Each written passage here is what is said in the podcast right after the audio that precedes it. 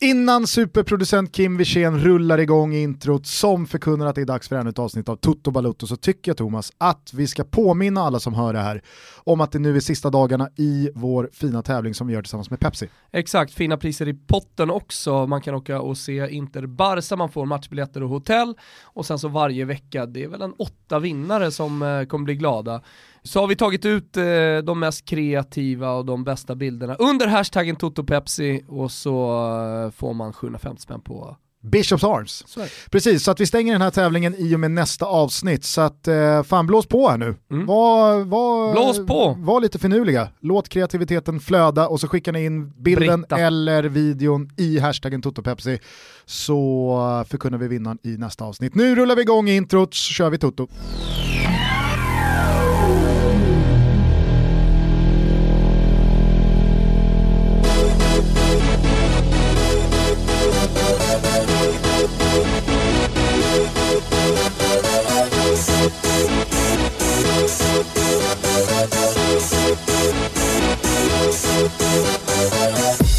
for this.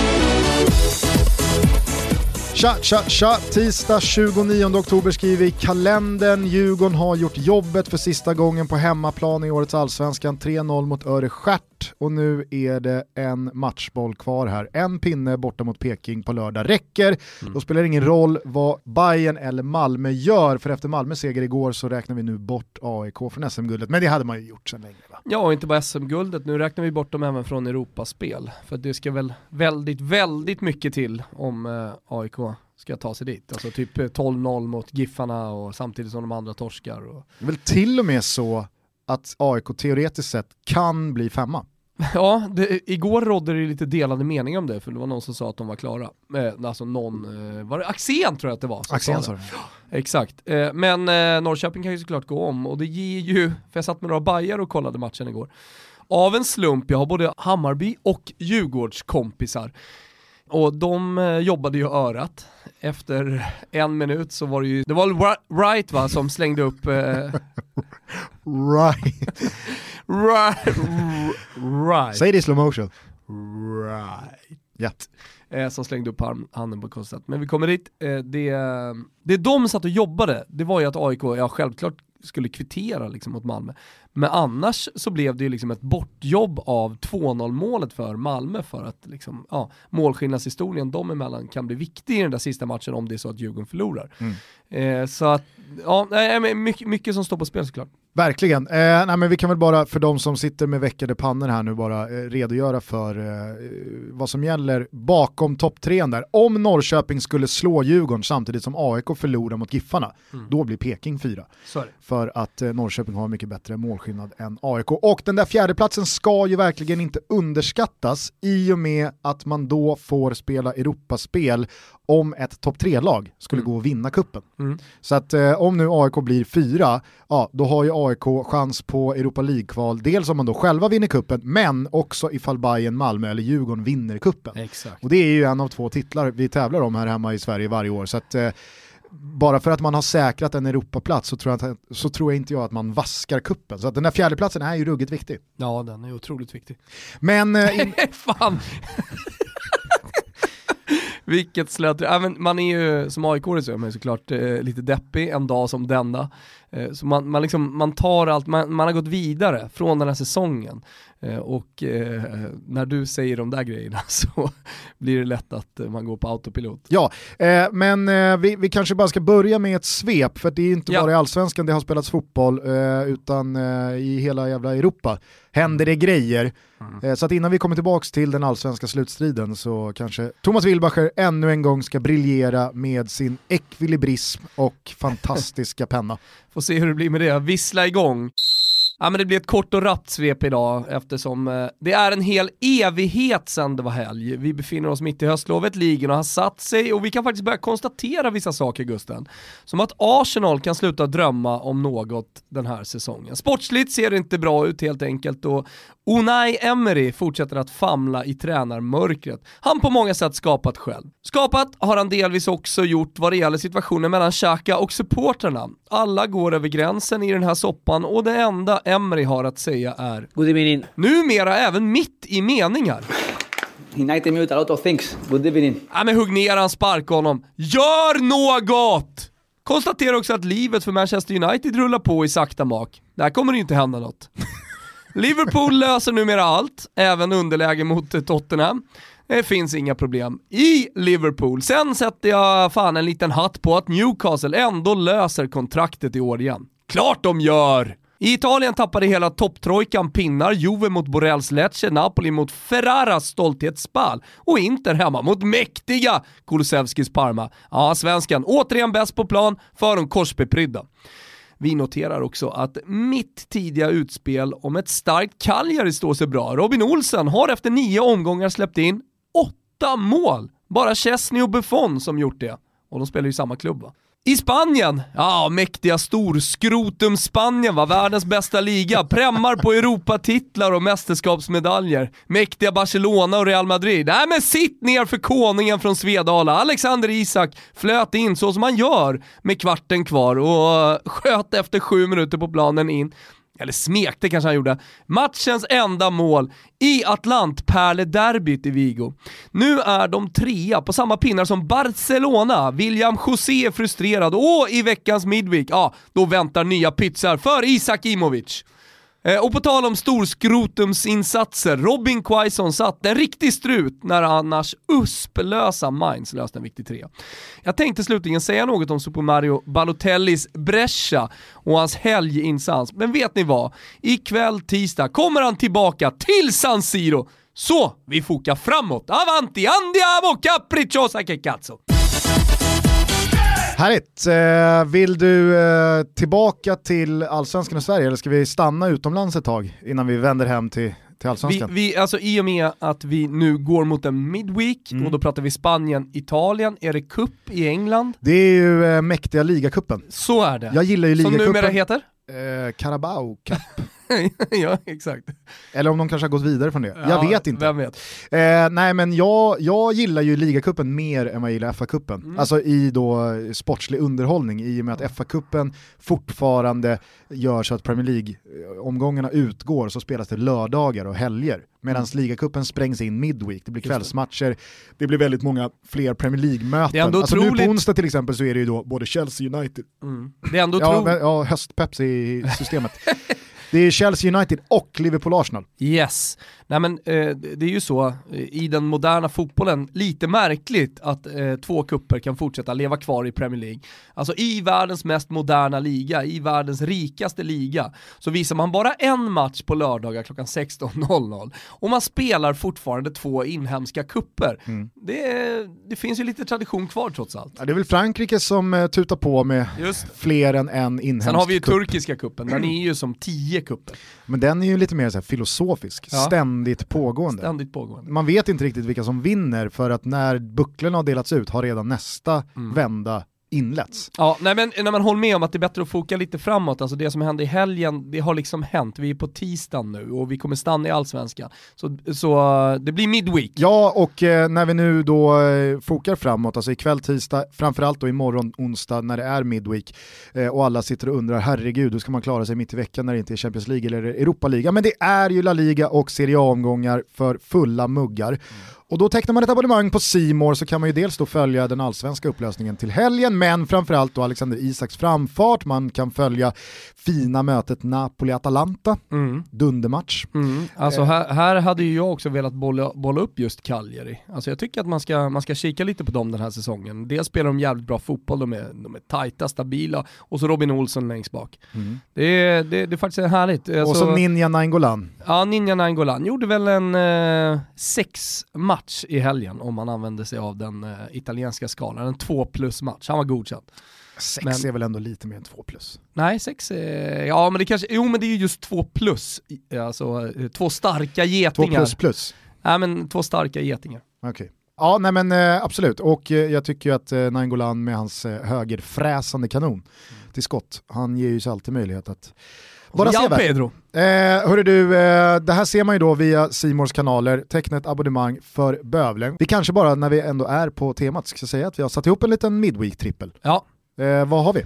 Nej, men vi tror att Cagliari vinner hemma mot Bologna. Mm. Det blir ingen 3-0 liksom, utan vi kommer få kriga in den, men, men eh, man, man tar det. Så, De är så starka stabil- hemma på ön. Ja, de är otroligt starka hemma och dessutom då i en midweek är man ännu starkare. Kolla statistiken där. Sen så tror vi att eh, Athletic Bilbao slår Espanyol hemma på San Mames. Är det någonting jag har tagit med mig och följt noga under den här inledningen av La Liga så är det ju Pinitoros totala sågning av Espanyol. Ja. Att de kommer ha en riktigt tuff säsong framför sig. Och där har han ju fått gruvligt rätt.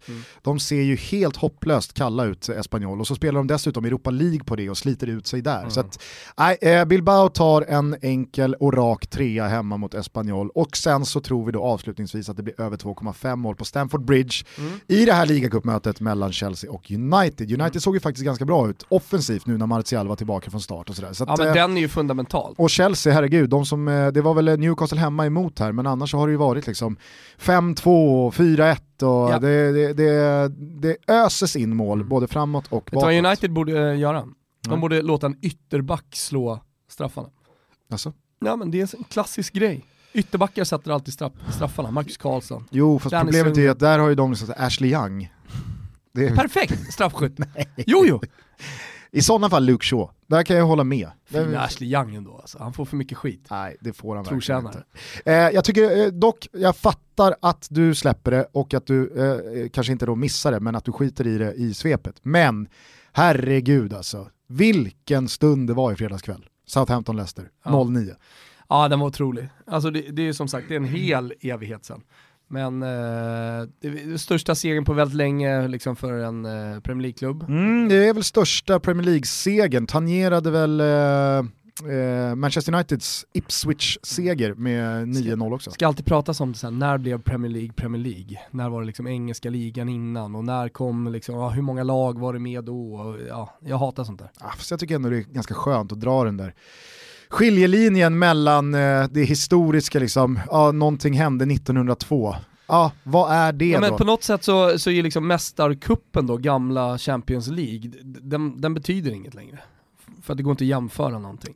Det går, absolut, men du kan väl ändå tillstå att någonting som har hänt 1897 kanske Det inte finns ju gränser till allt. Liksom. Ska jämföras med saker som sker 2003. Men så jag tycker ändå inte vi ska pissa på Provercellis ligasegrar. Nej, jag Så säger, inte att man, där. jag säger inte att man behöver pissa på det, jag säger bara att i just Premier. League-världen så finns det någonting ganska så rimligt med att vi drar en gräns tidigt 90-tal framåt, senaste 30 åren, ja, men då, då, är det så här, då får man en bra feeling för, det, det är ju som i Allsvenskan, det pratade vi om för någon månad sedan när vi var inne på Säffle, Gunnar Andersson och så vidare. Alltså så här, Jaha, ska man, eh, ska man vifta bort allsvenska målskyttar och skyttekungar för att ingen är uppe på Svarte Filip och Sven Jonassons nivåer? Nej. Det var ju en annan värld, det var ju en annan fotboll framförallt. Ja. Jag vet inte, man kanske ska jämföra äpplen med äpplen och päron med päron. Ibland så blir ju Sven Jonasson och, jag vet inte, Markus Rosenberg, det blir ju faktiskt äpplen och päron. Ja, jag håller med. Men det var ju en otrolig eh, fredagskväll. Jag har aldrig sett, jag brukar ju säga så att om ett lag leder med 5-0 i paus så vet alla som vet någonting om fotboll att matchen inte slutar 10-0. Nej. Nu slutade det ju inte 10-0, men ändå 9-0 och jag är faktiskt, eh, alltså så här, jag är glad att man fick uppleva en sån här match där laget som leder bara fortsätter gasa och fortsätter köra och laget då som ligger under inte har någonting att sätta emot. Alltså det var ju smärtsamt att se hur hemmasupporterna så lämnar i 18 minuten. Då ligger man under med 3-0 och man har en man mindre. Det regnar sidled, snöspik eh, och är en sån här, ja men du vet, allting bara går emot. Och så har Leicester inte liksom, de har ing, ingen som helst eh, vilja att slå av på takten, utan alla vill göra mål, alla vill bara köra på och Southampton har ingenting att sätta emot. Nej men cred till de som var kvar hur som helst. Eh, alltså man, man, det är ju sällan man pratar om eh, supportrar på det sättet. Alltså det, det är ofta en koreografi eller liksom ett starkt bortafölje får jävligt mycket cred. Men alltså att stanna kvar i 90 minuter, eh, självklart så blir det väl inga stora sånger när, när man har förlorat på ett förnedrande sätt så som Southampton gjorde. Men ändå, eh, det, det, det, tycker jag visar så jävla lojalitet, så att eh, cred till de som var kvar. Mm, verkligen. Eh, jag läste en rolig intervju med eh, Forrest, målvakten i eh, Ipswich, som också släppte in nio mål där 1995 mot eh, Passade på att ringa honom där. Ja men exakt, och det var det jag skulle komma till. Craig Forrest då, han eh, uttalar sig då i en intervju. De eh, frågar honom om eh, liksom, han hoppades att det skulle bli 10 så att det här rekordet skulle suddas ut, men han säger då för Angus Gunn i Southampton-kassens skull så var han glad att det stannade vid 9. I must say, after this amount of time I can smile about it. Sometimes the result defines a goalkeeper. It's not a good record, but at least people remember me for something. Det är så deppigt att han håller fast vid det där rekordet för att Forrest knows what is in store for Gunn. From now on, he will receive messages from friends and family members whenever a scoreline comes close to beating it. Phone calls from journalists wanting juicy quotes. Som nu. Social media explosions every time an anniversary nears. Potentially awkward encounters with those who scored against him that day, such as Andy Cole, who got five of United's nine goals and bumped into Forrest while holidaying in Barbados recently. Mm. Alltså det är så deppigt att uh, det blir som Forrest här är inne på, karriärsdefinierande. Jag menar skulle det här hända eh, Kasper Schmeichel, alltså om det hade varit annorlunda, ja. så hade ju inte eh, Kasper Schmeichel, varför bytte jag till Schmeichel? Jag vet inte. Då hade ju inte Kasper Schmeichel lagt av... Schmeichel? Men, men det är många som kör, nej jag kör, jag kör hårt. Schmeichel? Ja, Peter Schmeichel, har jag alltid sagt. Ja, ja, ja, ja. Du kör Schmeichel? Ja, det är CH. Det är per definition... Eh... Nej, det är det väl inte. Det är klart det är. Det är, det är, det är som folk säger eh, liksom, på SCH, det är alltid mjukt. Det är aldrig Ja, jag kör Schmeichel i alla fall. Eh, det, det är alltså så här, nu sa du Schmeichel. Nu stopp... Nu... Schmeichel. Peter Schmeichel. Kasper Schmeichel. S-C-H. Schmeichel. Schmeichel. Ja men då får du säga Schmeichel i så fall. Peter Schmeichel. Det, det är inte ett S, du får ju ändå uttala det. Peter Schmeichel har jag alltid sagt. Jag ja. kör Schmeichel. Kasper Schmeichel. Hade det här varit omvända siffror, alltså Southampton slår Leicester med 9-0, så hade ju inte någon om 10 Ryan Reynolds här från Mint Mobile. Med the price of just about everything going up during inflation, we thought we'd bring our prices down. So to help us, we brought in a reverse auctioneer, which is apparently a thing. Mint Mobile unlimited premium wireless. Ready to get 30, 30, bit to get 30, bit to get 20, 20, 20, bit to get 20, 20, bit to get 15, 15, 15, 15 just 15 bucks a month. So, Give it a try at mintmobile.com/switch. slash $45 up front for 3 months plus taxes and fees. Promo rate for new customers for limited time. Unlimited more than 40 gigabytes per month slows. Full terms at mintmobile.com. 20, 30, 40 år minns Kasper Schmeichel som målvakten som släppte in nio mål och det var det han gjorde. Utan han har ju uträttat så mycket mer, han har vunnit ligan med Leicester, han har varit landslagsmålvakt för Danmark i många år. Så att för viss, alltså det är bara vissa målvakter som kan få den här karriärsdefinierande stämpeln på sig. Och det finns någonting så jävla fint ändå i att Craig Forrest då, 24 år senare, ändå liksom hoppas på att det inte skulle bli 10, för då tas det ifrån honom. Mm. Då slutar den där telefonen ringa, då slutar eh, journalister eh, jaga tag i honom när det blir liksom eh, ett 20-årsjubileum eller 10-årsjubileum eller vad det nu kan vara. Nästa år är det 25-årsjubileum för den här matchen och han ska träffa Andy Cole och grabbarna i studion. Alltså det är jag vet inte, det, fattar du vad jag menar? Att det finns någonting tragikomiskt i det, det är nästan vackert. Ja, jag förstår precis vad du menar. Alltså det, det, är ju, det är ju såklart skittungt när det väl händer, men eh, någonting han kan garva åt senare i karriären. Men jag tycker också att den här 9-0-segern för Leicester inte bara blev liksom ett resultat att eh, gå vidare från, utan eh, det här håller ju mer och mer på sig att öppna upp sig som säsongen då Leicester kommer ja, men göra någonting otroligt. Och då ska man såklart komma ihåg att man för tre och ett halvt år sedan vann ligan mot alla odds i hela jävla världen. Men det man gör nu är ju kanske inte lika så chockerande men fan minst lika imponerande tycker jag. Ja, nej men det var ju någonting som inte kunde hända. Det var ju dessutom mitt i kapprustning mellan de stora klubbarna.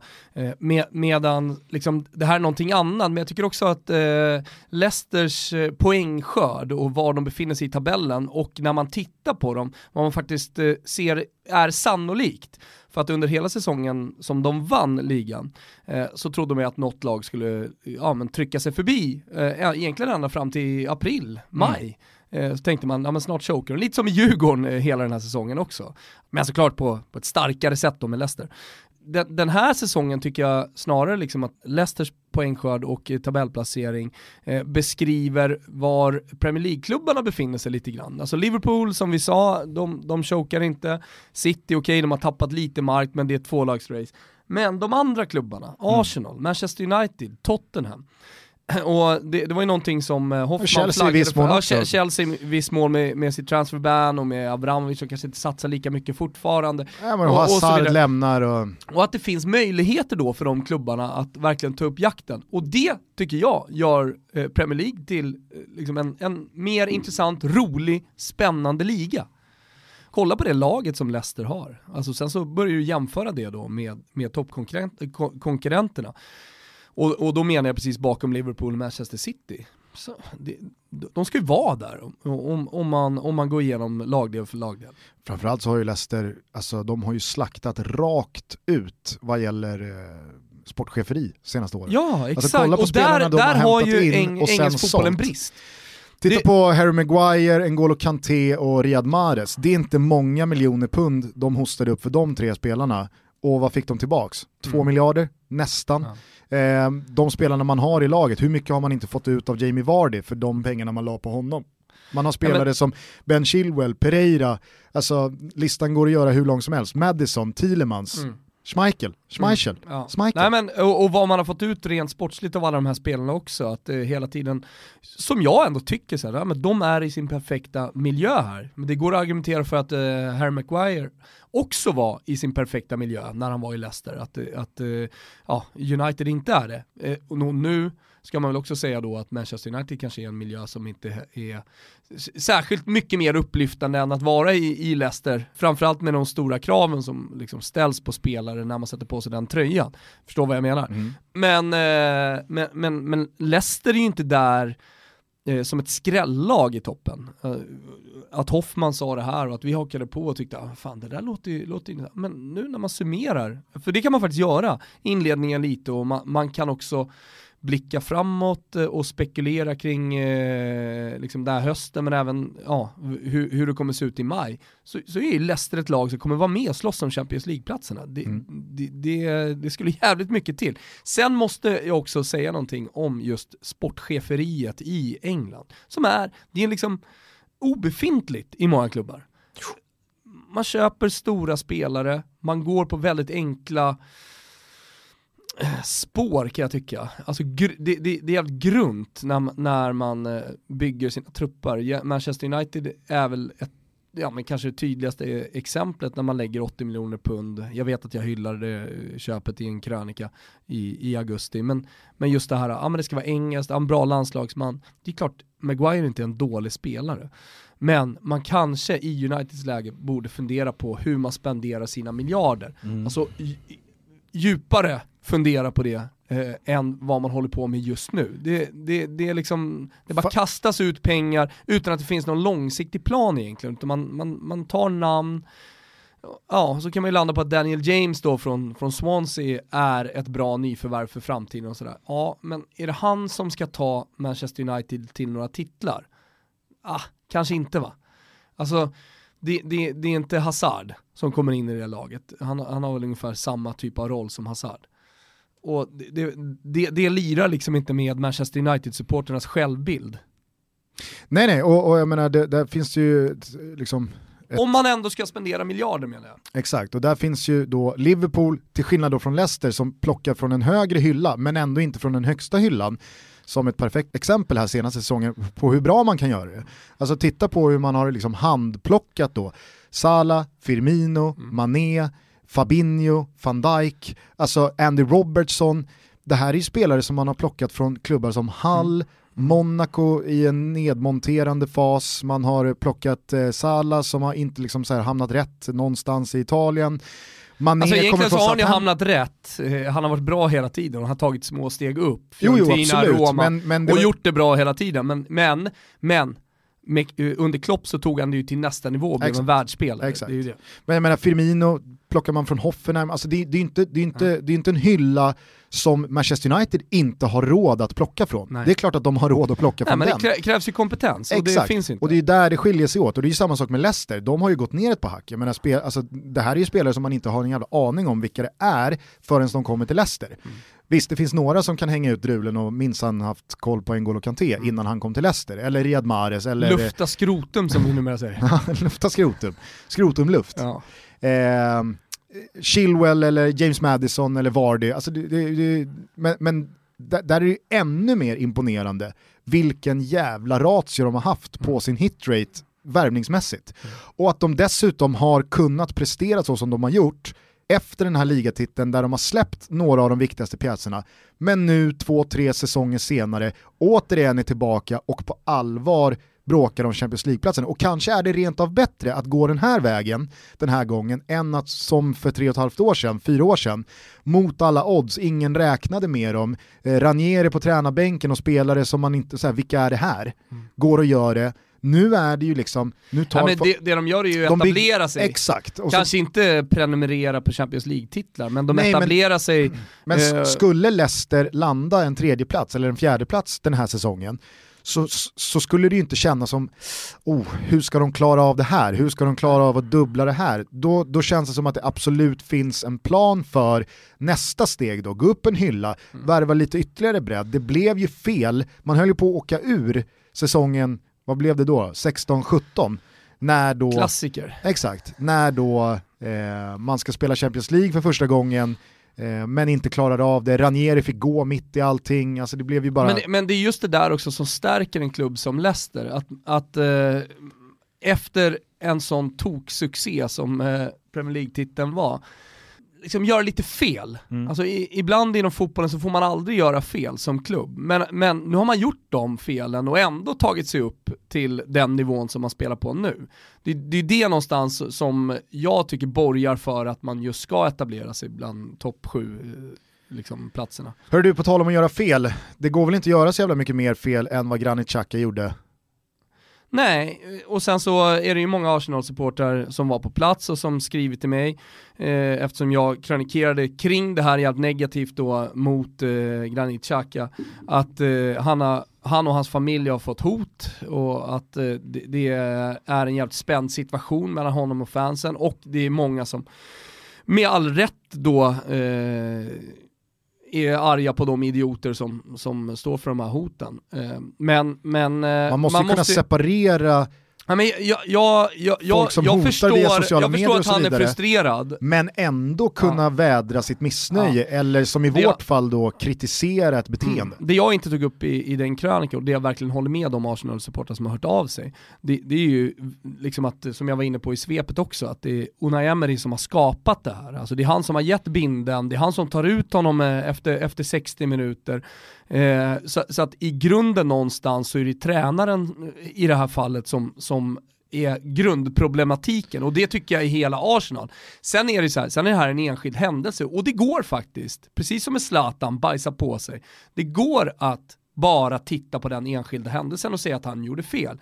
Alltså, det, och jag har inga problem att göra det heller.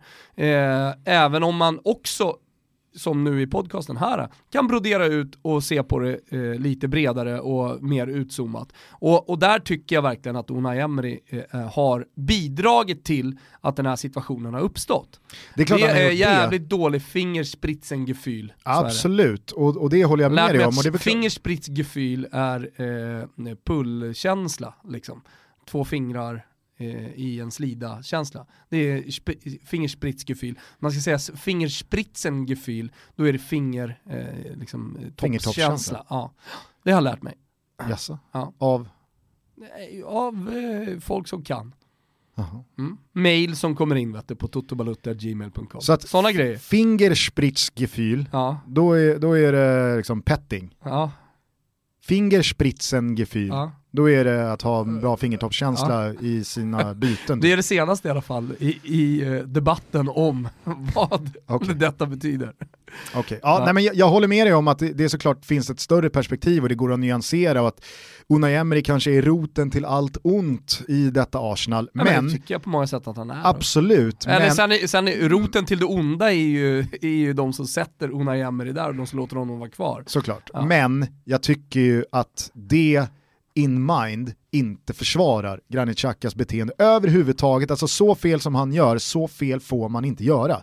Du kan inte som lagkapten i ett lag som Arsenal, i det läget de befinner sig i, Något lag. Nej men alltså så här, det, det, det är Jag att fattar det, vad du menar, att det är en tung klubb och det är en tung tröja Ja. att bära. Och man kan inte, alltså så här, jag är ledsen, men jag, jag ger inte mycket för att man ska stå och peka på någon annan än Granit Xhaka. Vilken jävla sopa. Nej, men, eh, och som jag upplever det, och som eh, jag pratade med eh, kompisar i London som också var på plats, eh, så, så började ju buandet också när han tog tid på sig att ta sig av planen i ett läge där Arsenal faktiskt jagade, jagade ett, ett segermål. Så att det, det måste man faktiskt också ha med sig i det här, alltså de, de som tycker att allting bara är Unai Emerys fel och att man måste förstå Xhaka efter den senaste tidens eh, idioter då som har hört av sig till honom. Ja, ja, alltså så här, det är ju, och det, och det, är, det är inte bara på Premier League-nivå eller på global nivå, alltså det, det blir väldigt tydligt här hemma i Sverige också ibland när vissa spelare i vissa lag gör misstag eller eh, gör bort sig eller vad det nu kan vara så får man höra det ordentligt i sociala medier och det, folk vet inte vart gränsen går.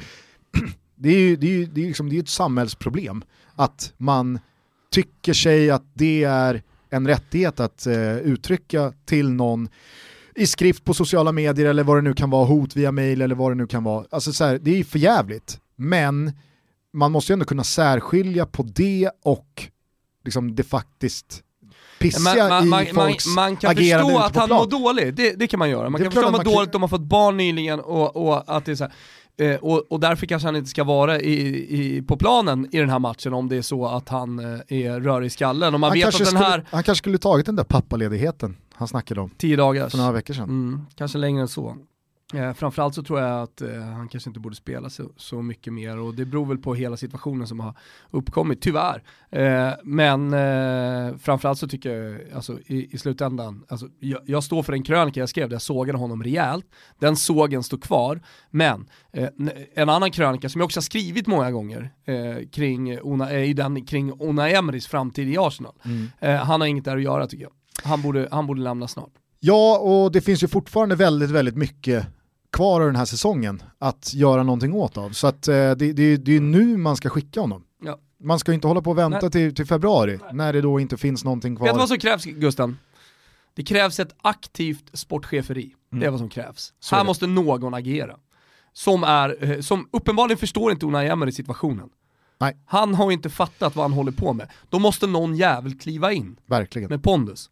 Hörru du, jag vet inte om vi landade i det förut då med våran trippel borta hos Betsson. Nej. Men den finns ju som alltid under godbitar och boostade odds. Ja, Man ryggar med så 148 kronor i hashtaggen Toto-trippen. Eh, och så kan vi väl bara snabbt ta den igen då. Det är rak seger för Bilbao mot Espanyol, det är rak seger för Cagliari hemma mot Bologna och Mm. sen över 2,5 i matchen mellan Chelsea och United. Och sen så ser ni ju alla godbitar från eh, Serie A och La Liga via Yes. Här. Underbart. Med det sagt då så kanske vi ska vända hem till den allsvenska slutstriden. Det händer ju grejer även i superettan, jämnt nere i botten. Nu är ett lag klart för allsvenskan i toppen. Säg grattis till Mjällby. Sen så återstår det väl att se vilka som gör dem sällskap av eh, J Södra och Brage och, och eh, Många som chokar här nu på slutet, dock inte Varberg Gusten. Ah, de fick kryss borta mot eh, BP. De är med, men Mjällby som du skrev blev ju klara igår. Inför fullsatt Strandvallen. Jajamän. Jajamän. Och det är, det är väl klart att det ska vara det. Mm. När man då kan ta sig tillbaka som nykomlingar dessutom. Jävla imponerande gjort. Men Superettan är en sån här serie där alltså inga, inga naturlagar gäller. BP sprang ju igenom som nykomlingar för några år sedan också, nu gör Mjällby samma sak. Öster, på, Öster håller på att åka ur, eh, BP kan åka ur direkt från allsvenskan. Alltså det är så här, Ja, det är helt sanslöst. Varberg var klara för allsvenskan, eventuellt missar de. J Södra såg eh, ut som laget att slå för eh, en månad sedan. Sen dess har de inte vunnit. Brage trodde vi var klara, sen pratade vi om det här i Tutto. Choke sen dess, alltså det blir ett rafflande En, en rafflande final där också. Ja men det blir, det blir mäktigt där, du har ju J Södra BP och eh, J Södra kan ju fortfarande gå upp, de ligger ju på, eh, på tredjeplatsen just nu. Och så är det Eh, har de- Varberg-Brage som möts. Eh, precis, det är Varberg Brage som möts och eh, Österfrej möts om man nu ska prata bottenstrid. För jag menar, eh, att åka ner till helvetet i division 1, det, det vill ju ingen göra. IK Frej på 29 poäng, sista kvalplatsen där, eh, samtidigt som eh, Öster då har eh, 26 och så BP som, som ska åka till Jönet och, och lira. Det eh, blir en rolig helg, inte bara i Allsvenskan. Ah, herregud, nej, men det är såklart eh, allsvenskan i fokus en sån här dag. Tisdag morgon är det när vi spelar in det här. Djurgården har precis slagit Örebro med 3-0 och Malmö har myggat av AIK från guldstriden med 2-0 i Marcus Rosenbergs sista allsvenska match för eh, Malmö FF. På hemmaplan. På hemmaplan, precis. Eh, Det återstår ju dessutom eh, fotboll på hemmaplan för Rosenberg i och med Europa League-matchen mot Störde mig lite igår eh, när det här vackra firandet började. Han klev upp i bar torso, Mm. tänkte jag säga. Men det gör han ju inte, för han har ju på sig GPS-västen. GPS-västen med ett klistermärke på logon. Mhm. För att de säkerligen inte är sponsrade, men använder sig av det, så de har köpt in det. Kanske det är det till och med så att Malmö har försökt att, att liksom lösa någon slags spons från det här företaget, men de har inte fått det, så de har tvingat köpa in, är det, Garmin eller Polar eller någonting sånt där, eller? Nej, jag är dålig på tech. Ja, du är dålig på tech. Men, men eh, i alla fall, så att han går ju runt med liksom, det här Ta av det där, man vill ju se Rosenberg, inte bara egentligen i torson, man vill ju ha det italienska. Av med braxerna, visa skrotum höll jag på att säga. Nej men alltså ha den här lilla vita byxan och så här tokiga in bland fansen. Och istället så gick han runt i, i det där. Och det blir ju de här episka bilderna, såklart, från hans sista match när han står där med hela kurvan framför sig, med megafonen, i en o- osponsrad, men liksom. I, i en, i en sport-bh, eh, som det är en stor jävla blaffa på. Det, det, det störde mig och det måste du förstå va? Det måste alla malmöiter också förstå, att, att det, det, det var störande. Ja, Alltså, det, det, det, kan jag, det kan jag verkligen förstå om folk tyckte. När jag, han står där liksom på, de har ju byggt upp som eh, Capo gör liksom, någon liten stålställning som är lite ranglig och han då högst upp vinglar lite, megafonen i handen. Det är ju en episk bild. Mm. Nej, då ska han ha den där på sig.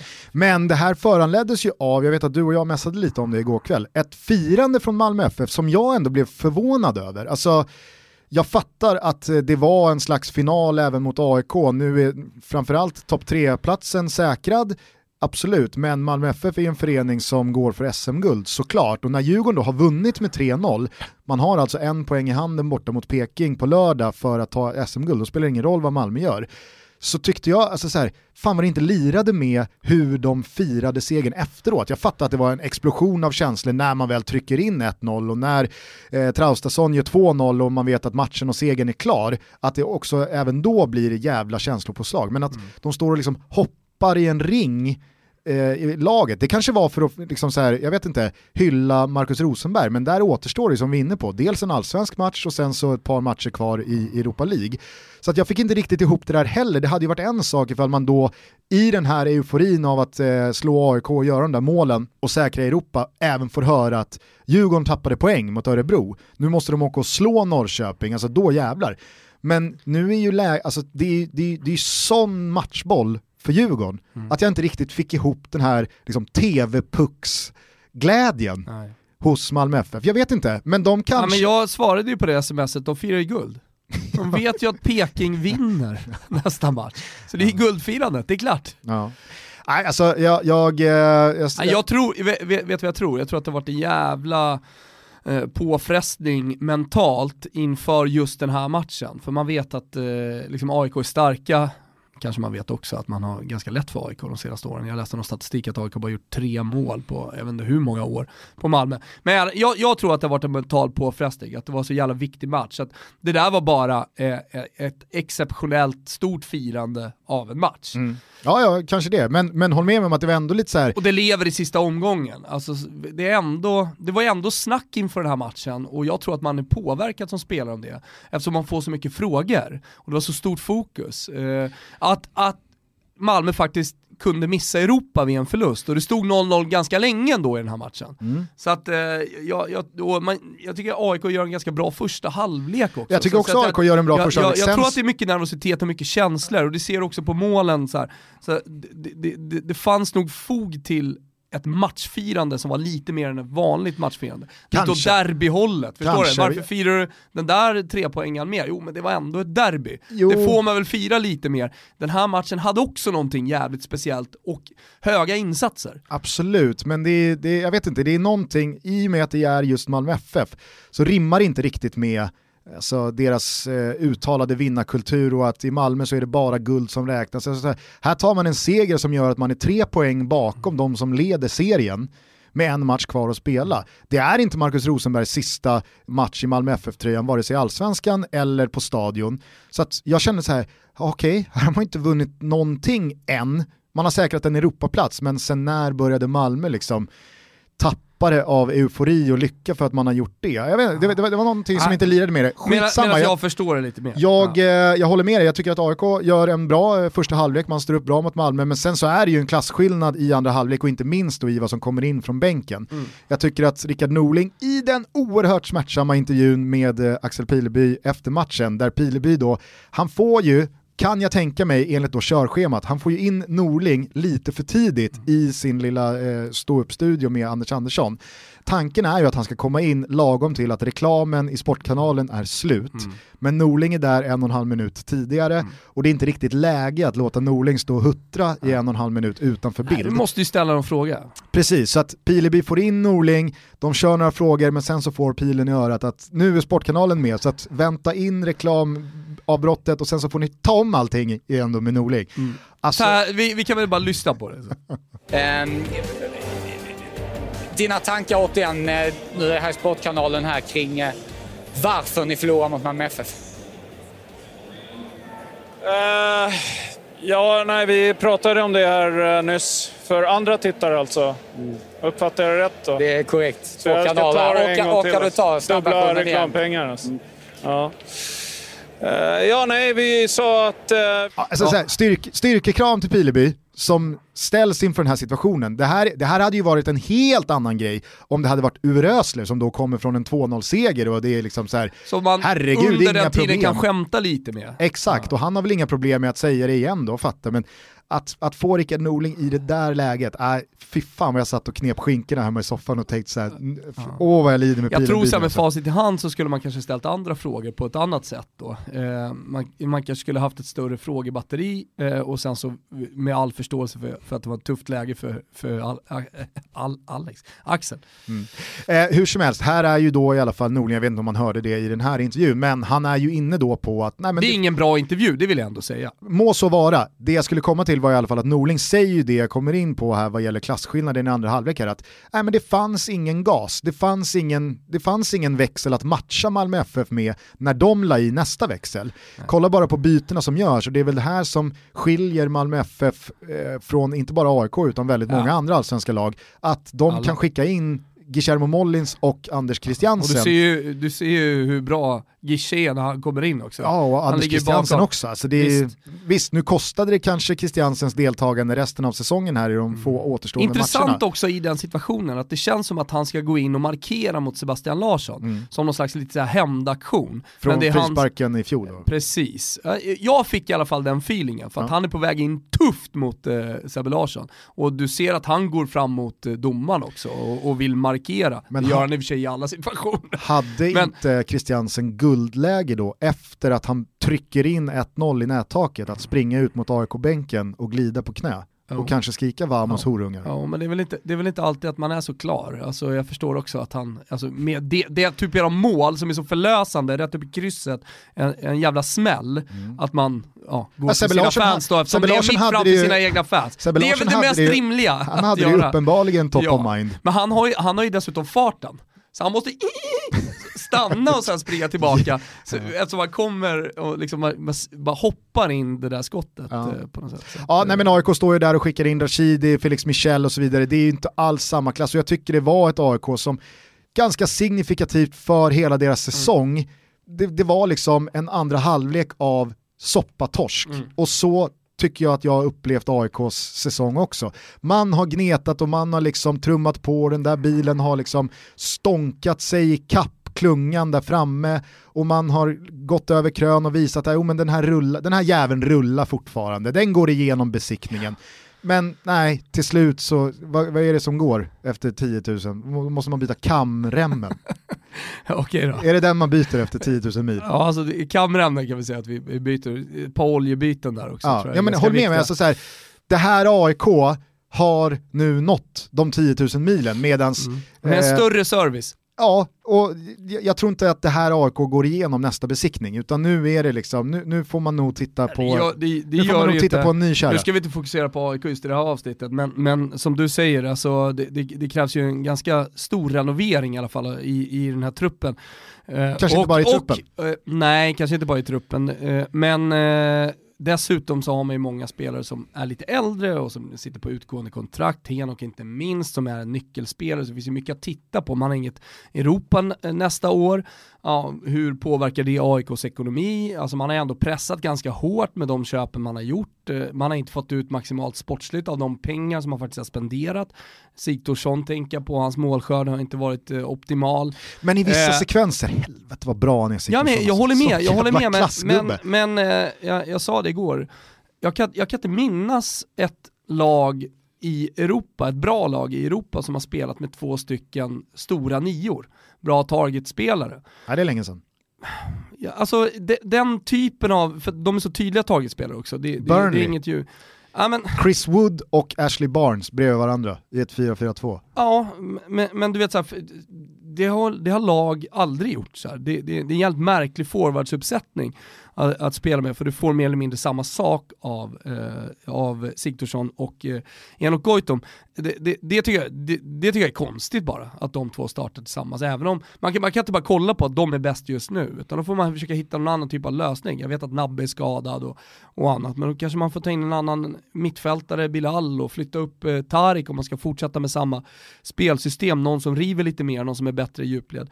Eh, ah, det, det, vi ska inte fastna vid AIK, det, Nej, verkligen det, inte. Det, vi, vi, kan fokusera på guldstriden. Det, det, är läge att uh, tacka AIK för den här säsongen. Ja. Jag tror att det kan bli ett riktigt deppigt uh, avskedsparty på Friends på lördag ja. när Giffarna kommer för att lösa nytt kontrakt. Ja. Jag tror absolut inte Sundsvall vinner den matchen, utan det, blir någon slags uh, så här, alla, alla förlorar, ja, ja. alla förlorar eftermiddag eh, ja. på, på Friends.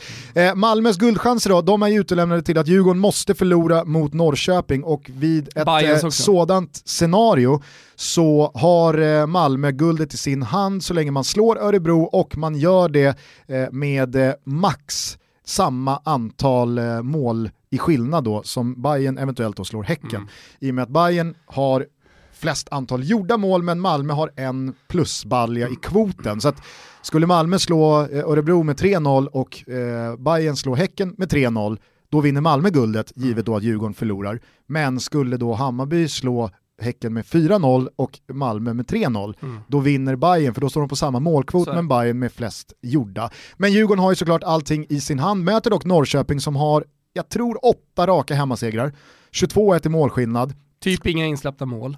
Exakt, eh, Isak Pettersson har ju spikat igen sin kasse och det grövsta här Jag tänker att den största motivationen för Norrköping i den här matchen, det måste väl ändå vara att de inte vill förlora, alltså Norrköping är ett stort lag, eh, att de inte vill att ett annat lag ska fira SM-guld på deras hemmaplan. Ja, dels det, men sen också då som vi inledde med, fjärdeplatsen som kan komma att betyda jävligt mycket. För att, att ha Bayern, Djurgården och Malmö liksom på sin sida vad gäller eventuell kuppvinst och att det då betyder Europa för en själv, det är ju en jävla fördel. Alltså mm. det, är, det, är, inte AFC, Halmstad och Öster Nej. som redan har säkrat Europaplats och, och som då liksom hjälper en vid en kuppvinst, för de kommer inte vinna kuppen. Men eh, jag tror att Malmö och Bayern och Djurgården alla kommer satsa ordentligt på att ta kupptiteln nästa vår. Ja, ja. Så att, eh, och skulle det då plinga in 1-0 för Sundsvall som då spelar för överlevnad på Friends eh, mot ett AIK som mer eller mindre har checkat ut. Mm. Alltså då har ju Norrköping allting att spela för. Alltså så här, vi kan konstatera att det blir en riktig match. Ja, ja, herregud. Och jag tycker att det är inget nervik. Liksom. Nej, men och det är sån jävla humla det här Djurgården. För att jag pratade med... Jag pratade med... Kallade du precis Djurgården för en humla? Ja. Oh, fan. Den gamla slitna liknelsen du Jag vet. kommer ihåg Olen Humlan Klint, som inte ska vår, flyga. vår, vår eh, gode vän som hade det här kontoret innan vi tog över det och som är spelexpert eh, och spelproffs och alltihopa. Vi gillar honom, han har varit med i Toto också. Eh, han är ju fortfarande arg över att det var någon som kallade travhästen Maharaja för, för Humla i något läge. Och det, det, det, det stör honom fortfarande, han kan inte ta den personen på, på allvar. Så det kanske är någon, någon, som, någon Men, djurgårdare. och, och, vad, vad menade han med det då? Ja, men så här, humla i, i travspråk är liksom en, ja men du vet ju hur en humla ser ut. Ja. Så små, det kommer ingenstans riktigt, den springer på men, Jo, men det hum- händer inte så mycket. Sp- En humla springer för fan inte. Nej men du tänker en humla ser ut när den flyger, Ja. och så tänker du att eh, liksom, applicera det rörelsemönstret på en häst. Okej, Är du med? ja jag är med. Ja. Ja. Nej, du men- var ju lite en humla när du spelade fotboll.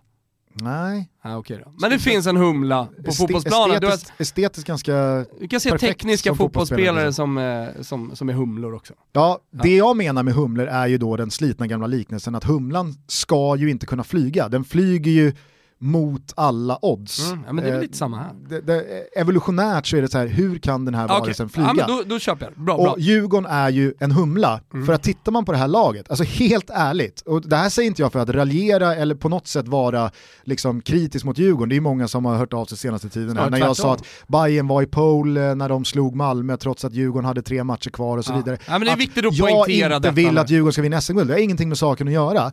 Jag tror, när jag tittar på Djurgårdens lag, så ser jag framför mig ett eventuellt då SM-guldlag blir det första någonsin att inte köpa sönder för att det finns liksom inte så mycket att köpa. Nej.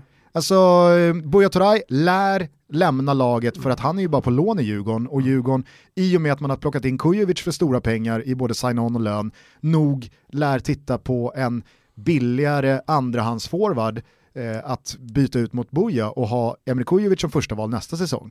Jonathan Ring, ska ett, land, eh, ska ett lag utomlands hosta upp för honom? Han sitter inte på utgående, tveksamt. Haris Ulvestad. fick precis nytt kontrakt. Eh, Ulvestad, Kevin Walker, Jesper Karlström. Ulvestad skulle ju platsa i, i ett italienskt lag så mycket som han ligger ner. Alltså, ja.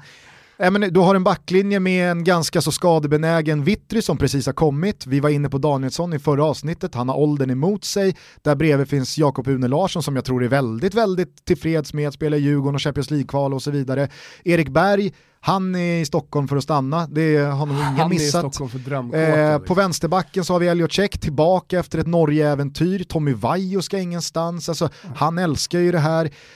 Ja, ja, alltså så här och, och det säger inte jag för att Eh, Snarare återigen då nej, för men du kan ju här- vända på det och säga så här, ja men då ser det ju bra ut inför nästa säsong. Att Absolut, spetsa det här exakt, laget med, exakt. Men med det är ju ändå- mer konkurrens om en startplats. Men det är ju en, det säger ju Eller någonting om denna humla, Mm. alltså detta Djurgården som har superläge på att vinna ett SM-guld och man gör det med ett lag som mer eller mindre Mm. det här laget ska få- helt enkelt inte kunna flyga, men det flyger. Ja. Det är en humla, mycket och, bra. Och det, och det är otroligt hur de, för de har ju sina fyra förluster i derbyn, kanske spelar just det in, att det är derby, det är någonting som bara inte funkar, men man har tagit fyra poäng av Malmö, man har eh, åkt och slagit Göteborg borta i eh, liksom en, en guldstrid när allting eh, gäller. Och man är ju i de här matcherna otroligt tunga och jag tror inte att Kim Bergstrand eller Tolle Lagerlöf eller spelarna eller supporten eller någonting, de skiter nog i hur liksom prestationen ser ut. Det handlar om att bärga tre poäng den här tiden på Herregud. året. Och då kan man liksom så här, om man vill se på glaset som halvtomt så kan man hålla på och vrida och vända på att Nej, men det ser inte så bra ut i spelet mot vare sig Östersund eller Blåvitt eller eh, igår mot Örebro. Men kolla, man- på, kolla på AIK förra säsongen då, hur, hur bra såg det ut i spelet då? Sista tio omgångarna. Ja, nej exakt. så Alltså- att jag tycker att Djurgården Så förtjänar... då pratade man istället om att, ja men fan mäktigt, AIK är så starka defensivt, Mm. de släpper inte till så mycket. Ja, men jag tycker att man kan prata om Djurgården på precis samma sätt, de släpper inte till Nej. någonting. Och jag tycker att de förtjänar all cred för hur tunga de är, för hur eh, drivna de är av att fixa det där resultatet. Kolla bara på Bayern som har hyllats som fan för sättet de spelar fotboll. Nu var det näst sista matchen mot ett Östersund som mer eller mindre är klara för allsvenskan och hade ingenting att spela för. Det är konstgräs och så vidare. Alltså Bayern, Bayern gör sin sämsta match på flera månader. De är ju usla. Ja men de överlever eh, ett tag där Och de med är- och näppe såklart. Och de är ju liksom en, en en sanslös miss från eh, Islamovic från att ligga under i andra halvlek och då ha en jävla press på sig, men kommer undan med blotta förskräckelsen, vinner ändå. Men det förstår jag också, för att i det här skedet på året så handlar det om att ta tre poäng. Det, det, det är liksom ingen som bryr sig Nej. om hur fan det ser ut. Nej. Ta tre poängen och gör det Nej, och ni ska. någonstans där man ska sammanfatta prestationen, alltså hur det har sett ut, så får man ju kolla på hela säsongen. Det är klart det kommer alltid finnas matcher där Paris Saint-Germain har sett skit ut eh, och Juventus eller vilka det nu är. Men man får ju kolla på helhetsprestationen och jag menar så att det som kännetecknar Djurgården det är ju att de har varit ramstarka. Mm. Alltså, Mar- Marcus Danielsson är väl spena, spelaren som på något sätt blir symbolen för det här SM-guldet, eh, rätta mig om jag har fel. Ja, alltså så här, jag, jag, jag tycker att det finns ganska många symbolspelare för det här Djurgården. För att som, i och för sig. jo, men som jag var inne jo. på, sy, alltså, symbolen för det här Djurgården är ju att summan av enheterna blir liksom större än... men svenska landslaget, där är det ju samma sak lite grann. Exakt, och alltså, så här, de har ju Och visat så upp... blev det granen då som stack ut lite under VM och i, i det här fallet tycker jag ändå att det är Danielsson som sticker ut. Alltså han, eh, han gör en del viktiga mål också, så att, eh, jag, jag, jag vill ändå hålla honom som den starkast lysande symbolen. Ja, nej, det, det, är, det är otroligt hur Djurgården har fått ihop det och jag, jag tror som sagt att det här är nog det SM-guldvinnande lag, om det nu blir så, som kommer att ha förändrats som, absolut hållas mest minst intakt. Ja. eh, till Ja, nästa säsong. Och alltså, med det sagt så förutsätter jag Mm. att Bosse Andersson och övrig sportslig ledning kommer satsa rejält när det ska Champions League-kvala, så spelare kommer ju såklart hämtas in. Mm. Men jag kan tänka mig att väldigt många i den här truppen kommer vara kvar i Djurgården. För att tittar man på spelarna liksom, som individer så tror jag inte att klubbarna där utomlands står på kö. Nej. Och det är ju jävligt häftigt. Så att, eh, allt Nej, men, titta, bara en sån här snabb blick framåt och, och den här sista omgången. Mm. Alltså du har Bayern på hemmaplan då mot Häcken. Alltså den stämningen på Tele2. Och sen så har du ett Djurgården borta mot Norrköping Mm. med, med en fullständig Esodo säger man på italienska, alltså, det, det är alltså va- vallfärd av Djurgårdssupportrar längs E4. Ja, en timme knappa med min bil, alltså när jag, när jag står på plattan eh, fr- från Stockholm city till, till Norrköping. Men säg då eh, en, en normal, en och en halv timme. Det är läge att ta MP5 och DT'n ner till, eh, ner till Norrköping om du kan det. Finns det små vägar längs eh, Sörmland? Det finns det säkerligen. Fan, men håll med om att det blir jävligt mäktigt. Nu ser jag att det är jättemånga som söker biljetter, det kommer säkerligen vara jävligt mycket djurgårdare som är på plats som inte ens har biljetter. Och så ska allt eh, lö- ja, lösas upp. Nej, men det som är coolt är ju att det är fullt rimligt att tre lag vinner. Det är ju helt sanslöst. Alltså det, och, och, och återigen, jag jobbar inte en Norrköping-vinst här, men det finns ju mer otroliga saker än att IFK Norrköping vinner en hemmamatch i allsvenskan på Östgötaporten mot Djurgården. Mm. Eh, och i sådana fall så kommer det vara en målskillnadshistoria givet av att Malmö och Bayern vinner sina respektive matcher. Mm. Vilket gör att ja, det är ju fullt rimligt att tre lag vinner guld på olika platser i Sverige. Det kommer vara tusentals djurgårdare i Norrköping, det kommer vara fullsatt Tele2 här i Stockholm och förmodligen kommer det vara en rejäl jävla karneval av eh, MFF-supportrar i Örebro. Eh, Norrköping har alltså 26% enligt Betsson att vinna matchen. Och det är det som krävs. Mm. För Malmö eller Hammarby eh, kommer ju att vinna sina matcher. Alltså något av lagen kommer att vinna, förmodligen båda.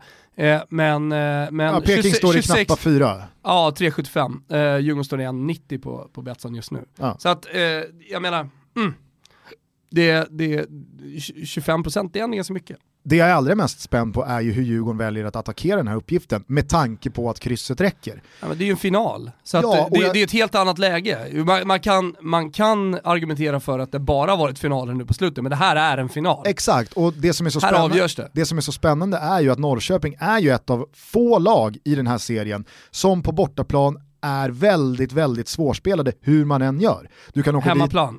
Nej alltså för Jaha, ett lag borta- på bortaplan, ja, ja, ja. Alltså, du kan åka dit och så ställer du tio man runt eget straffområde.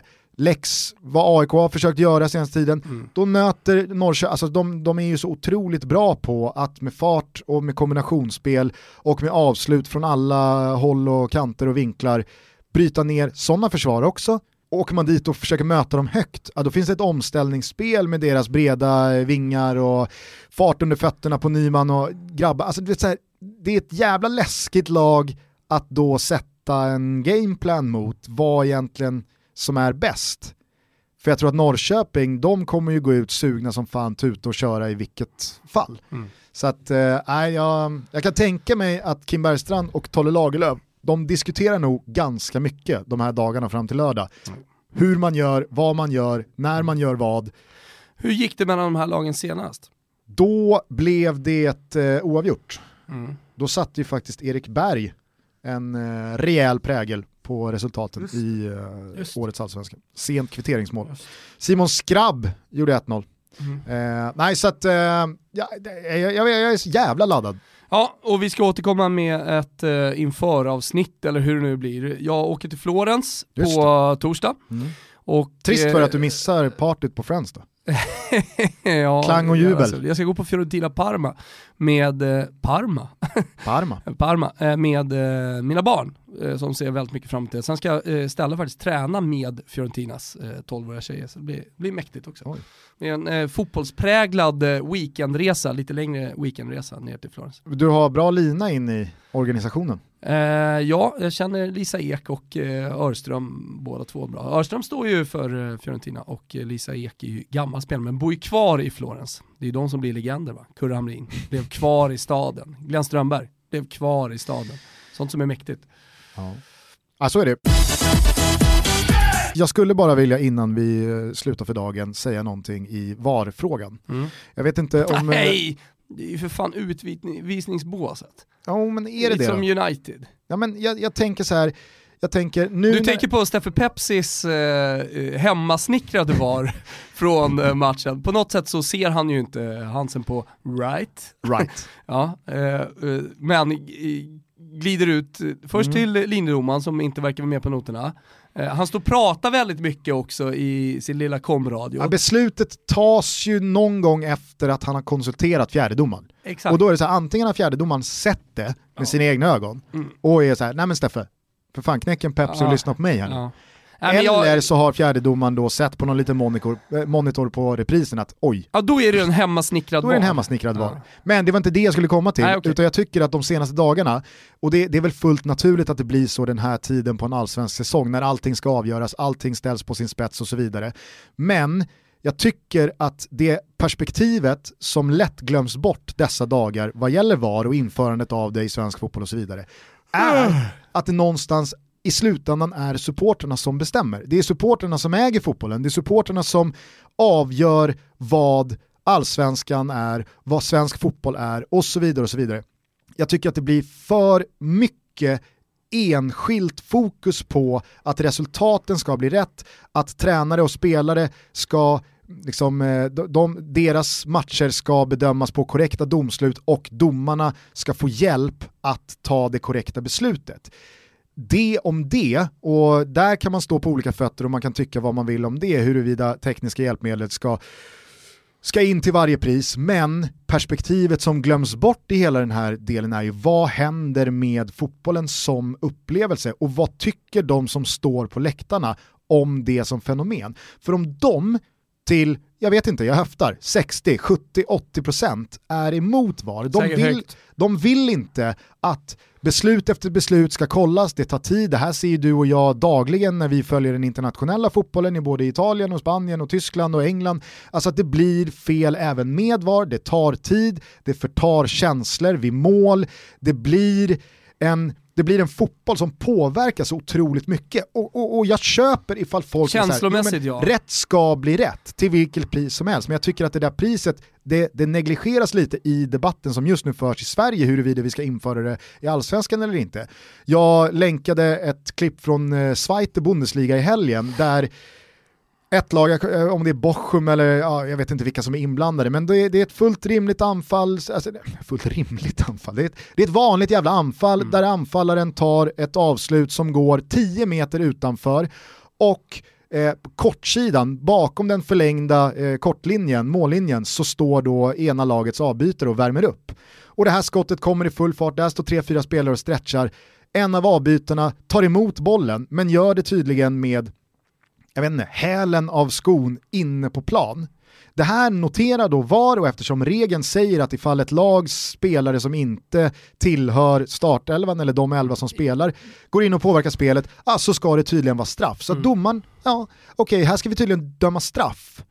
Och så blir det straff och det blir mål och, och, och då möttes jag väldigt mycket kritik att så här, jo men vadå, det här är ju inte VARs fel, här är ju VAR som allra bäst. Den följer regelboken och går in och, och, och tar det som domaren missar. Jo, men det är också i sin renaste form när VAR då går in och hittar fel som då Som kan... inte egentligen har påverkat matchen, Exakt. att han är där. Alltså, det hade varit en sak om man hade glidtacklat någon det, jävel på linjen, man har ju sett någon, man har sett någon tränare vid något tillfälle sno bollen du vet, när den inte är ute, bara sträcka fram foten. Och det vill Conte gjorde det vid något tillfälle. Ja. Eh, det, det, det, är ju en sak såklart, eller de går in och påverkar ett inkast till exempel, för man springer och värmer upp eh, vid, vid bänken. Alltså sådana saker.